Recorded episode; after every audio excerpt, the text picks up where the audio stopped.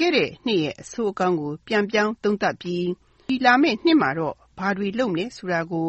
မှန်းထားကြသူတွေကတော့ ရှိကြမှာပါ။ဒီလိုအခြေအနေမျိုးမှာ အသုံးပြုနိုင်မယ့် idiom အသုံးကတော့ Take stock of. ဖြစ်ပါတယ်။စာလုံးပေါင်းက T A K E take ယူတာ S T O C K stock လှောင်ထားတာ သိမ်းဆည်းထားတဲ့ ကုန်စည်တွေလို့အဓိပ္ပာယ်ရပါတယ်။စကားပိုက်တစ်ခုလုံးရဲ့တိုက်ရိုက်အဓိပ္ပာယ်ကတော့လက်ကျန်ကုန်ပစ္စည်းတွေဘယ်၍ဘယ်မျှရှိတယ်ဆိုတာကိုသိရအောင်စာရင်းကောက်ကြည့်တဲ့သဘောဖြစ်ပါတယ်။ idiom သဘောမှာတော့ဖြစ်ခဲ့တဲ့အခြေအနေကို အရှိအရှိအတိုင်းသုံးသပ်ကြည့်တယ်ဆိုတဲ့အဓိပ္ပာယ်ဆောင်ပါတယ်။နှစ်သိရောက်လာတဲ့အခါလူအများလုံနေကြထုံးစံတိုင်းပေါ့ရှင်။အခုမိဘတူအနေနဲ့သူတို့မိသားစုပြီးခဲ့တဲ့နှစ်အခြေအနေကို ဘယ်လိုပြန်လဲသုံးသပ်ကြည့်ရဲဆိုတဲ့အကြောင်း George Crow ပေးတဲ့ဥပမာကိုနားဆင်ကြည့်ကြရအောင် Taking stock, I can say it was a good year. Both of us got promotions in our jobs. We bought a new house at a low interest rate. And our son Joe got into a good college. ဖြတ်တန်းလာခဲ့တာတွေကိုပြန်ပြီးသုံးသပ်မယ်ဆိုရင်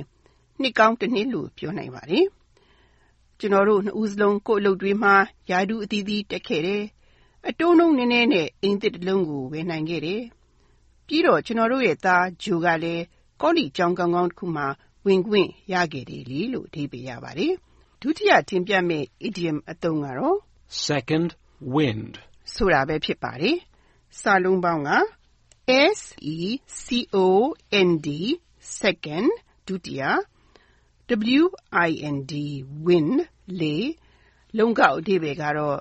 ဒုတိယတိုက်သောလေပေါ့ရှင်။ Christmas အတွက် အလူရဲ့ဈေးဝယ်ထွက်ခဲ့ကြရာက ခြေကုန်လက်ပန်းကျနေကြသူတွေဟာ Christmas အလွန်မှာ ဈေးချရောင်းတာတွေကို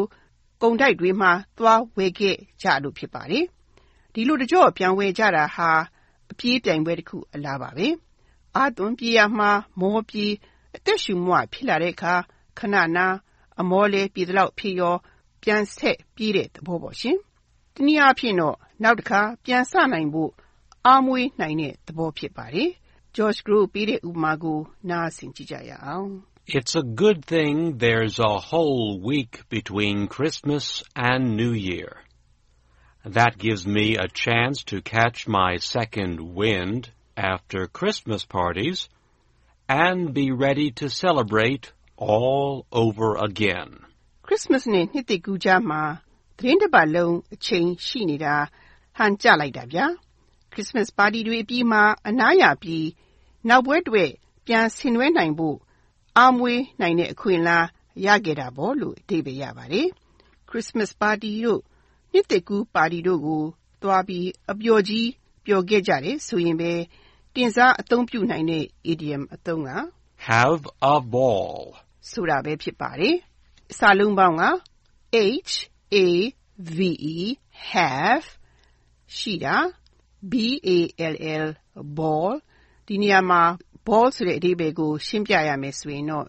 B A L L E R volley ဆိုတဲ့ပြင်သစ်ကဆင်းသက်လာတာဖြစ်ပြီးစုံတွဲကတာလို့အဓိပ္ပာယ်ရပါတယ်။ပျော်လွန်းလို့ထကကြတယ်လို့ကျမတို့မြန်မာမှာပြောစမရှိတယ်လို့ပေါ့ရှင်။အလားတူပါပဲ have a ball ဆိုတဲ့ idiom အသုံးရဲ့အဓိပ္ပာယ်ကလည်းစိတ်လွတ်ကိုယ်လွတ်ပျော်ရွှင်ကြတာကိုဆိုလိုပါတယ်။ဒီသုံးနဲ့ပတ်သက်ပြီး George Grow ပေးတဲ့ဥပမာကိုနားဆင်ကြည့်ကြရအောင် We all had a ball at our neighbor's New Year party. Everybody was in a festive mood, and we ate,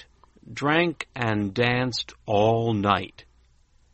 Even the sudden snowstorm didn't spoil our good time. ကျွန်တော်တို့အိမ်နီးချင်းမိတ်ဆွေတွေနဲ့နှစ်သက်ကူပါတီမှာ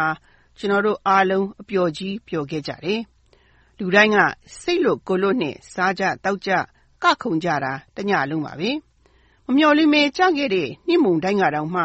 ကျွန်တော်တို့ရဲ့ပျော်ရွှင်မှုကိုဘယ်လိုမှမဖြစ်နိုင်ခဲ့ပါဘူးဗျာလို့အဓိပ္ပာယ်ရပါတယ်။ ဒီသတင်းပတ်တွေသောရရှိများကိုတင်ပြခဲ့တဲ့ idiom အသုံးတွေကတော့ Take stock of,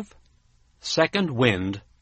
have a ball. တို့ဖြစ်ကြပါတယ်။နောက်သတင်းပတ်မှာလည်းတင်ပြပေးဦးမှာမို့စောင့်မျှော်နားဆင်ကြပါရှင်။